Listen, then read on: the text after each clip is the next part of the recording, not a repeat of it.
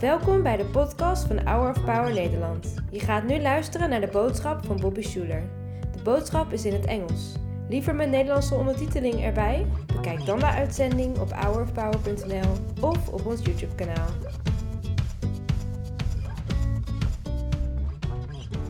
Good morning, everybody. It's such a joy again to be with you here this Sunday morning, coming to you from Jerusalem.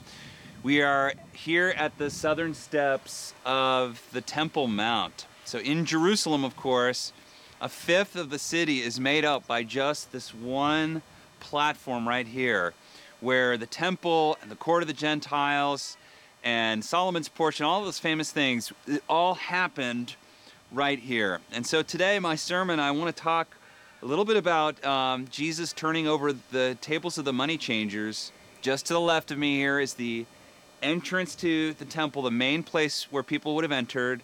To my right is what's today called the City of David. It's the smaller original city of Jerusalem that King David uh, sort of established as the capital of Israel, of Judah. And down at the bottom, actually, they recently discovered it. It's the original pool of Siloam that functioned as a mikvah. So if you were a Jew and you came here to Jerusalem during Passover, you would go to that mikvah, you would wash yourself, and then you would take this long ascension of stairs. You would sing the ascension psalms and you would prepare your heart and your mind to go into the temple. And then this would be this amazing place where you're like, wow, I'm about to enter into God's house and into God's company and God's court. And uh, this is also, though, the place where the money changers were. And everybody wanted to see the money changers uh, knocked out. Before we get to that, the temple is a symbol of God's love and grace for us. You know, God wants to be with you. Throughout all of the Old and the New Testament, you constantly see God desperately wanting to be with his people. And sometimes his people are, are with God, and other times they sin and they fall away.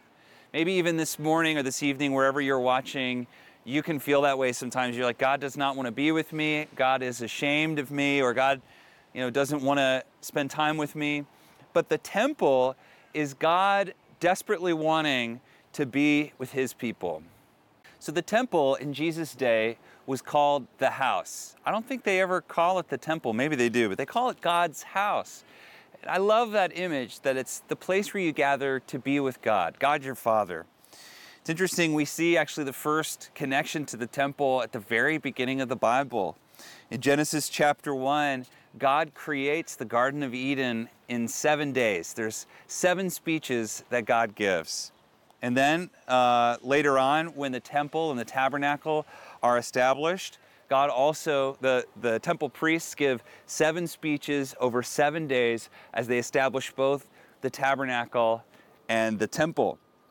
In the Garden of Eden, when Adam and Eve are called to work and to keep the garden on God's behalf, later on the priests are also called to work and keep the temple. And then you also see that the, um, the, the design of the temple, the inside of the temple, is full of gold and rich flowers and all sorts of imagery that is a reflection of what the Garden of Eden would have been like. So we think of the Garden of Eden as the way the world should be, as Adam and Eve walking and talking and being with God. Okay, so this is the Temple Mount. And this is where Jesus comes on the triumphal entry. Jesus rides on the donkey into Jerusalem. He goes through the Golden Gate and then he comes here. This is called the Huldah Gate. This is where Jesus said, Hold to my beer. I'm going to kick over these t- tables and I'm going to set things right.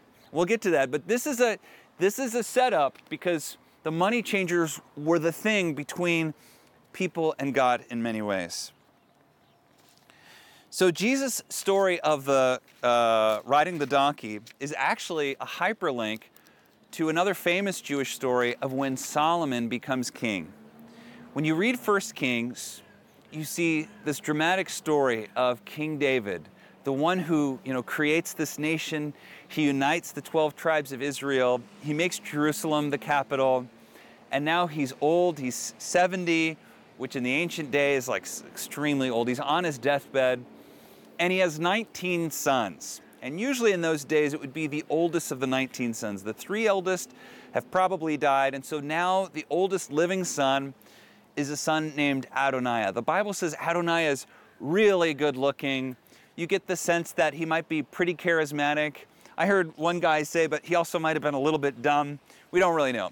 But he was like a, the popular guy, and he's the oldest.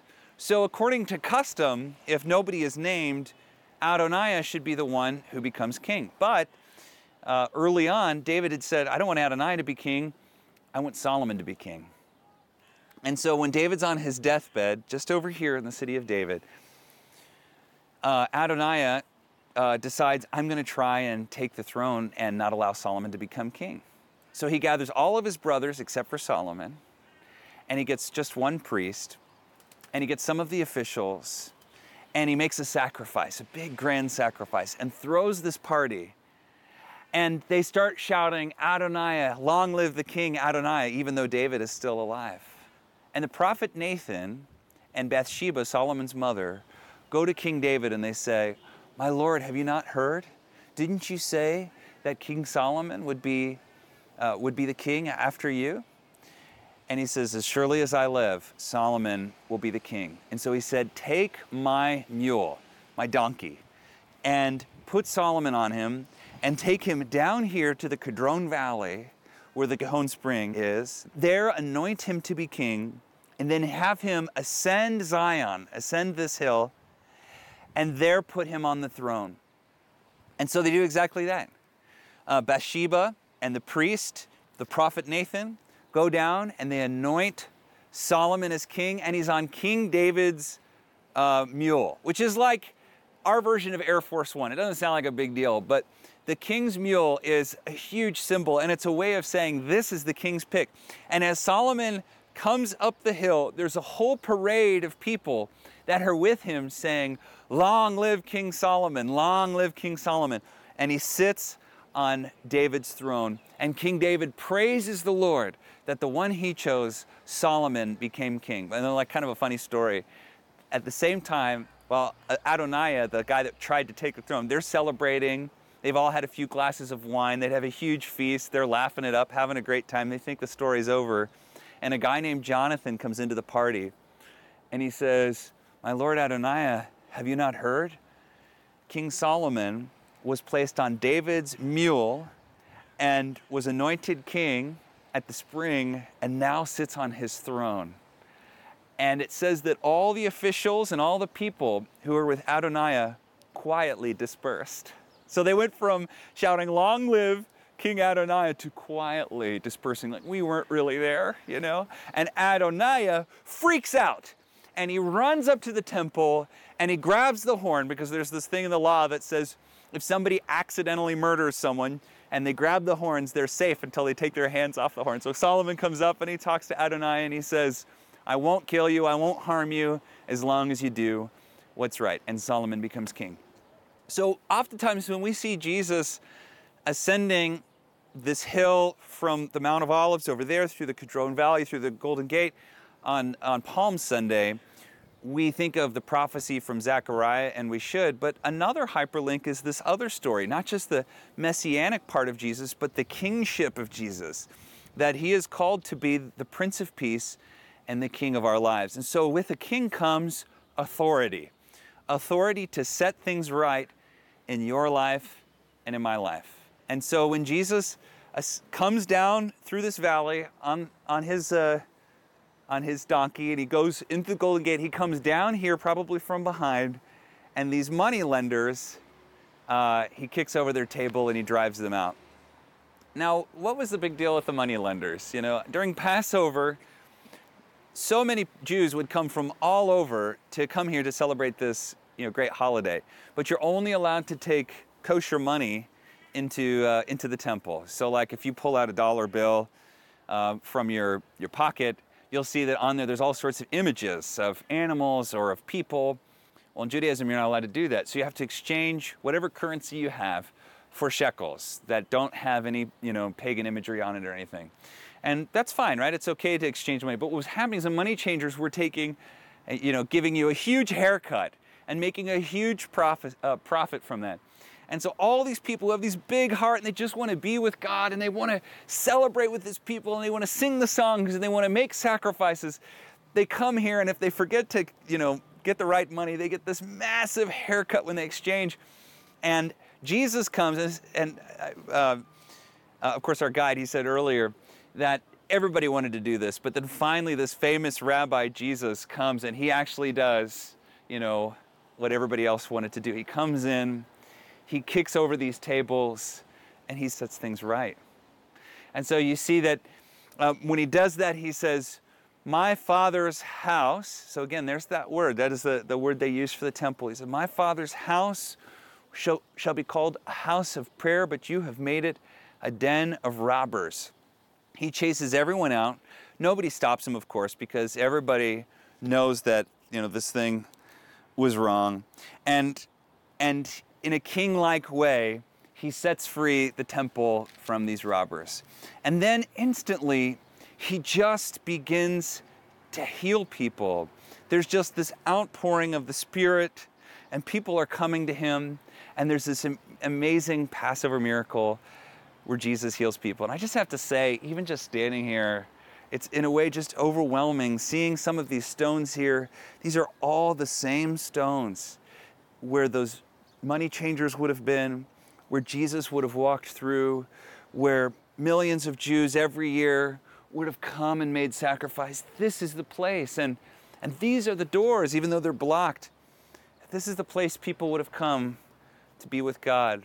But you know, you don't need a temple anymore to be with God. The temple was a beautiful thing and a place in Jerusalem that people would go to, but Christ has made the way in our lives that Peter tells us we have become living stones, that the Holy Spirit dwells in you and me. We think all the time about how amazing it would have been to go into the Holy of Holies and, and to go into that place. But you know, you're a Holy of Holies now.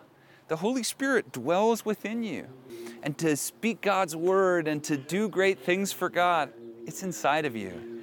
And so often we have religious experts who say, oh no, God can't use you. Or we have religious frauds like these people who take money or harm you. Yeah, God can't use you. And I just want to tell you, God just wants to be with you directly. He just wants to spend time with you, and He wants to be, be with you now. So make Christ king. In that same way, that sometimes like Adonai, you know, tried to take the throne. Maybe other things have tried to take the throne in your life. Make Jesus the throne in your life. You'll never regret it. And then also remember that sometimes when we invite Jesus into our life as a king, there may be some things in our heart that he has to set right. I imagine that cleansing the temple as he did probably, you know, looked in a way a little bit violent. It probably was a mess. Things were spilling everywhere. Probably money was lost and property was broken. And I think this is sort of what happens in life sometimes when we go through a transformation.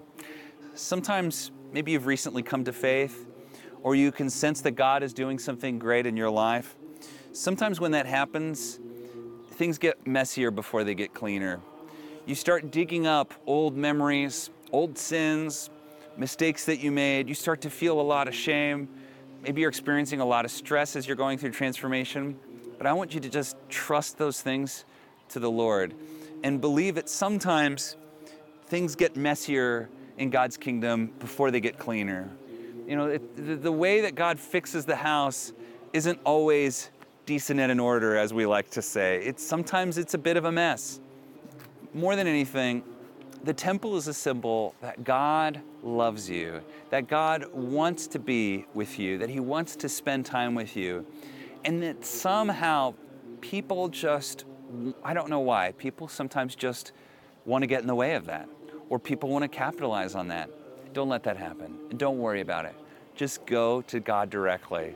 And if He does some things in your life and maybe speaks to your heart about some things that'll be hard to deal with, just trust Him with it. Amen. Bedankt voor het luisteren naar de podcast van deze week. We hopen dat deze boodschap jou heeft bemoedigd. Wil je meer weten over Hour of Power of dagelijkse bemoedigingen ontvangen? Ga dan naar www.hourofpower.nl.